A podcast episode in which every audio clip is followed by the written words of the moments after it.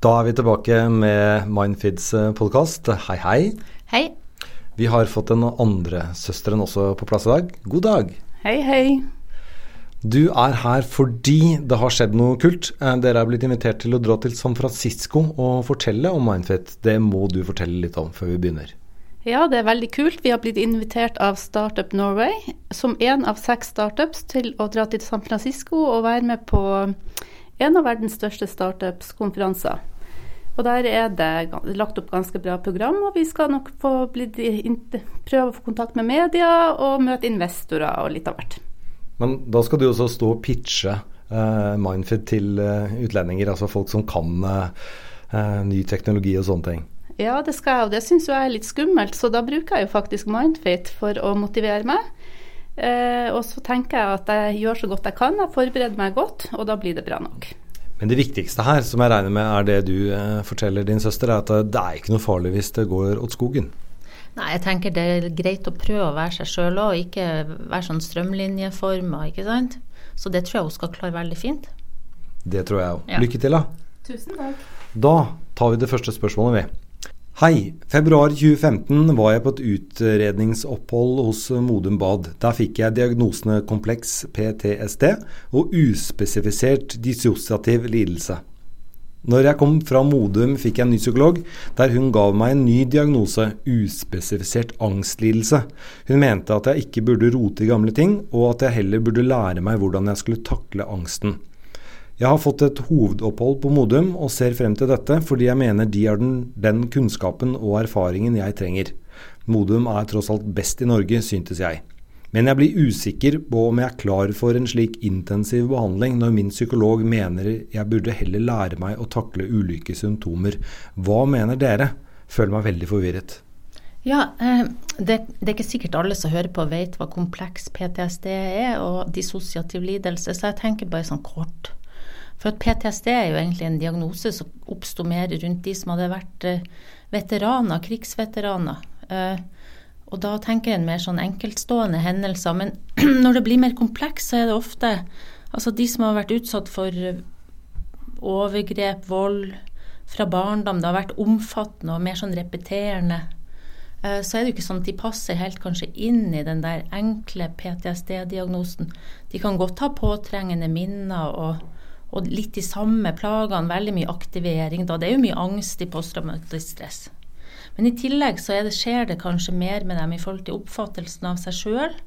Og også i oppfattelsen av verden rundt dem. Altså verden er et utrygt sted. Folk er ikke til å stole på. De får ofte problemer i forholdet til andre. Så, så problemet er litt mer omfattende enn bare at de reagerer på den hendelsen de har vært utsatt for.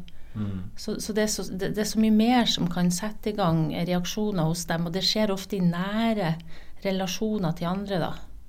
Og dissosiasjon, det betyr jo egentlig at, at, eh, at det skjer en endring i bevissthetsnivået ditt. Altså, på, det, det, er litt den følelsen av å stå på sida av seg sjøl, eller at omgivelsene plutselig kan kjennes litt fremmed ut. Og noen plages også med hukommelsesproblemer. Altså det plutselig er det ting de ikke altså De vet ikke helt hvor de har vært. De har fått litt sånn eh, perioder som plutselig er borte for dem. Så, så, sånn at det, det, er noe med at på Modum så har de jo jobba mye med det her. Og jeg er helt sikker på at de også tenker på det som den her nye psykologen sier. At du må håndtere de her angstsymptomene, da. Uh, og at det er lurt å, å Altså, jeg tenker det er liksom både òg. Du må på et vis lære deg å håndtere stressreaksjonene dine, angsten din. Og så må du kanskje også altså For mange så holder ikke det, for at det sitter jo sånn i nervesystemet deres, det de har opplevd. Så altså en, en, høy stemme, en lukt, kan sette i gang minner, og de trenger altså det, Når det sitter sånn i nervesystemet, så er det ikke bare å bestemme seg for at dette vil jeg ikke rote i, hvis du skjønner. Mm. Sånn at en må kanskje mer bearbeide. Og jeg tror også en del folk har behov for å sette ord på det de har opplevd. Og også bli møtt på en anerkjennelse for at dette kanskje ikke har vært så greit. Det har jo vært mye taushet kanskje rundt det som har skjedd dem mens de vokste opp. Så det er noe med den der skylda Altså mange føler skyld, skam. De har en del eh, eh, på selvfølelsen som de plages med, og, og det kan være viktig for dem. og på et vis grave i det gamle òg. Men det er, kan ikke være så veldig lett dette her. Altså, du er en pasient og du får egentlig en diagnose som eh, i hvert fall på meg virker mer omfattende, altså ja. fra Modum. Ja. Og så kommer hun til ny psykolog, og så er det bare at det er en uspesifisert angstlidelse. Ja. Og, og, det hun, denne brevskriveren, eh, skriver her, er jo at, eh, at den nye psykologen egentlig sier at du skal glemme litt det som de sa på Modum. Nå skal du bare leve og lære, altså lære deg å leve med dette. Så, så, jeg kan jo liksom føles, altså skjønne henne her at det var riktig. altså. Jeg er helt enig, fordi jeg tenker jo da, hvis du kan lære deg å leve med det, og ikke føle at, at de her reaksjonene dine forstyrrer deg, eller at de tar over, for å si det sånn, sånn at du klarer ikke egentlig å håndtere dem, selv om du har lært deg aldri så mye teknikker, så kan en jo kanskje la det være. Men, men, men det er klart at når du har fått beskjed om at du får plass på Modum Bad, eh, så er jo det et, et sted som, som, har vurdert det som at dette er kanskje mer enn bare å lære seg å håndtere det her og nå. Mm. Og når jeg leser, eller denne eh, personen som har skrevet inn, sier jo litt òg at hun ønsker det her. Så, så det, det, er tydelig at det har vært et ønske om noe mer enn bare For mange er det faktisk sånn at de prøver veldig å håndtere det her så godt de kan veldig lenge. Men eh, Modum virker, virker, slik altså, der har hun fått et utredningsopphold som hun er ferdig med. Ja. Og så har hun fått en ny psykolog som da mener noe annet eh, sånn diagnostisk enn Modum Bad, men hun har fått et hovedopphold på Modum. Så da høres det ut som rådet ditt er bare ta det. Jeg tenker de har gjort en utredning. og altså, Nå er det ikke sånn at jeg kjenner Modum inngående, men jeg er helt sikker på at når de har gjennomført en utredning, så har de gjort en vurdering av om hun er i stand til å ta imot den hjelpen som de gir der. Og da vil jeg nå egentlig stolt på det, da. Jeg tenker kanskje at det eneste unntaket måtte være hvis du sjøl kjenner at jeg vet ikke om jeg orker å gå inn i det, det her fortida mi. Så jeg vil helst ikke gå inn i det. Jeg har kanskje ikke toleranse for det akkurat nå. Kanskje skjer det kriser i livet og ting som gjør at det er mer enn nok med det som skjer her og nå. Mm. Så det vil jeg jo ha respekt for, at det kanskje ikke timingen er riktig. Kjenn etter selv, altså. Men uh, det er jo ikke alle som får et sånt uh, hodeopphold. Uh, Nei. Så hvis hun føler at det er riktig for henne, så tar hun det oppholdet. Veldig sant. Da går vi videre. Eh, her er et veldig veldig langt spørsmål. Um, det har du eh, redigert litt, ja. så da leser jeg deler av det. Nå kommer mm. du til å blafre litt papirer òg, for det, spørsmålet er faktisk så langt at det, det fyller tre sider. Ja. Hei, jeg er en jente på 18 år, og jeg har et spørsmål jeg har lurt på siden jeg var rundt 12-13. Det blir et ganske langt spørsmål, tror jeg, for det er en del jeg må forklare for at spørsmålet i det hele tatt skal kunne lage mening. Jeg beklager veldig for at det blir langt, jeg håper at det ikke gjør noe. Det gjør selvfølgelig ikke noe. Da jeg var liten, oppdaget jeg raskt at jeg hadde en tendens til å liksom få sånne forbilder til mennesker som var eldre enn meg. Jeg husker til å begynne med så var det kusinen min, hun var åtte år eldre, og jeg tenkte ikke særlig over det, siden jeg var liten, og dessuten tenkte jeg bare at jeg syntes at hun var kul. Men etter henne så kom det en ny korleder. Eh, dette var en mann, han var 13 år eldre. Eh, jeg var 14, så han må ha vært rundt 26. Han tror jeg at jeg ble forelsket i. Veldig, veldig forelsket i. Jeg mistet forresten eh, faren min da jeg var fire år. Han døde av en heroinoverdose og hadde kjempet mot rusavhengighet i mange år. Det, det, var mye sorg i familien min da jeg vokste opp, og moren min har alltid, hatt, har alltid vært veldig kjærlig, men derimot utrolig utslitt og, og, trist har hun vært. Etterpå så traff jeg en ungdomsarbeider. Han var 24 år. Og han uh, var veldig inkluderende. Og fra starten av så virket det som om vi fikk en veldig fin kontakt. Og kom vi, vi, kom veldig godt overens. Og på en måte så føltes, det som jeg var forelsket igjen, men det, var liksom noe annet, det visste jeg. Jeg dro en link til følelsene jeg hadde for ham, til de følelsene jeg hadde for, hatt for disse korlederne før ham. Og Jeg begynte å tenke, tenke litt på dette her eh, med farsfigur, og at eh, det at jeg ikke hadde hatt det når jeg vokste opp, kanskje det ikke var så rart at jeg ble litt knyttet til eldre mennesker som hadde tid og energi til å være sammen med meg og vennene.